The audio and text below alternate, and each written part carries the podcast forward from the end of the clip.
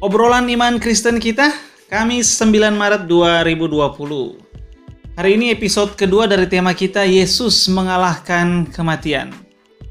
Tema kita Yesus mengalahkan kematian. Kita akan melihat kebenaran yang mendasari tema ini. Pertama, ketiga agama Abrahamik, Yudaisme, Kristen, dan Islam, sepakat bahwa Yesus adalah pribadi yang benar-benar hidup dalam sejarah. Dia bukan cerita khayalan seperti Zeus, Poseidon, atau Hercules. Kedua, Yudaisme dan Kristen sependapat bahwa Yesus benar-benar mati di salib.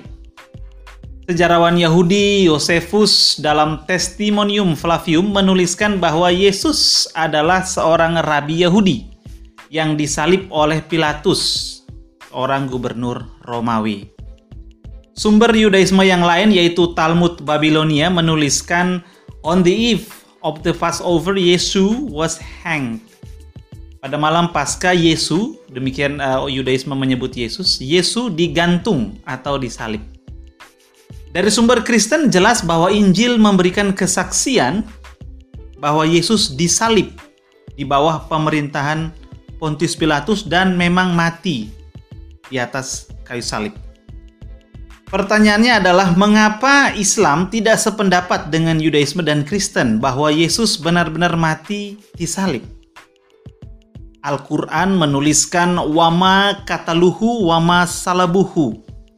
Mereka tidak membunuh dia, mereka tidak menyalibkan dia. Islam tidak mengakui kematian Isa, jika kita berasumsi bahwa Isa Al-Masih alaihissalam yang dibicarakan dalam Al-Quran adalah Yesus yang sama yang dimengerti oleh Yudaisme sebagai Yesus dan di dalam Kristen sebagai Yesus Kristus, maka kita dapat menyimpulkan bahwa Islam tidak percaya bahwa Yesus mati di salib karena Al-Quran yang mengatakannya demikian. Wama kataluhu, wama salabuhu. Mereka tidak membunuh dia, mereka tidak menyalibkan dia. Nah, ketiga, Yudaisme dan Kristen percaya bahwa Yesus benar-benar mati di salib karena bukti sejarah. Akan tetapi, Yudaisme tidak percaya bahwa Yesus benar-benar bangkit dari antara orang mati. Sedangkan kekristenan percaya dengan penuh bahwa Yesus benar-benar bangkit dari kematian kesaksian perjanjian baru dan tulisan-tulisan awal kekristenan menunjukkan kesaksian tersebut.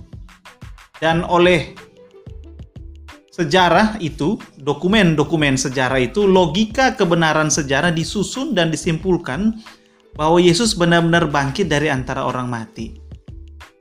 Alasan Yudaisme tidak percaya pada kenyataan kebangkitan Yesus dari kematian adalah karena mereka bagi mereka Yesus bukanlah Mesias seperti yang dinubuatkan dalam perjanjian lama.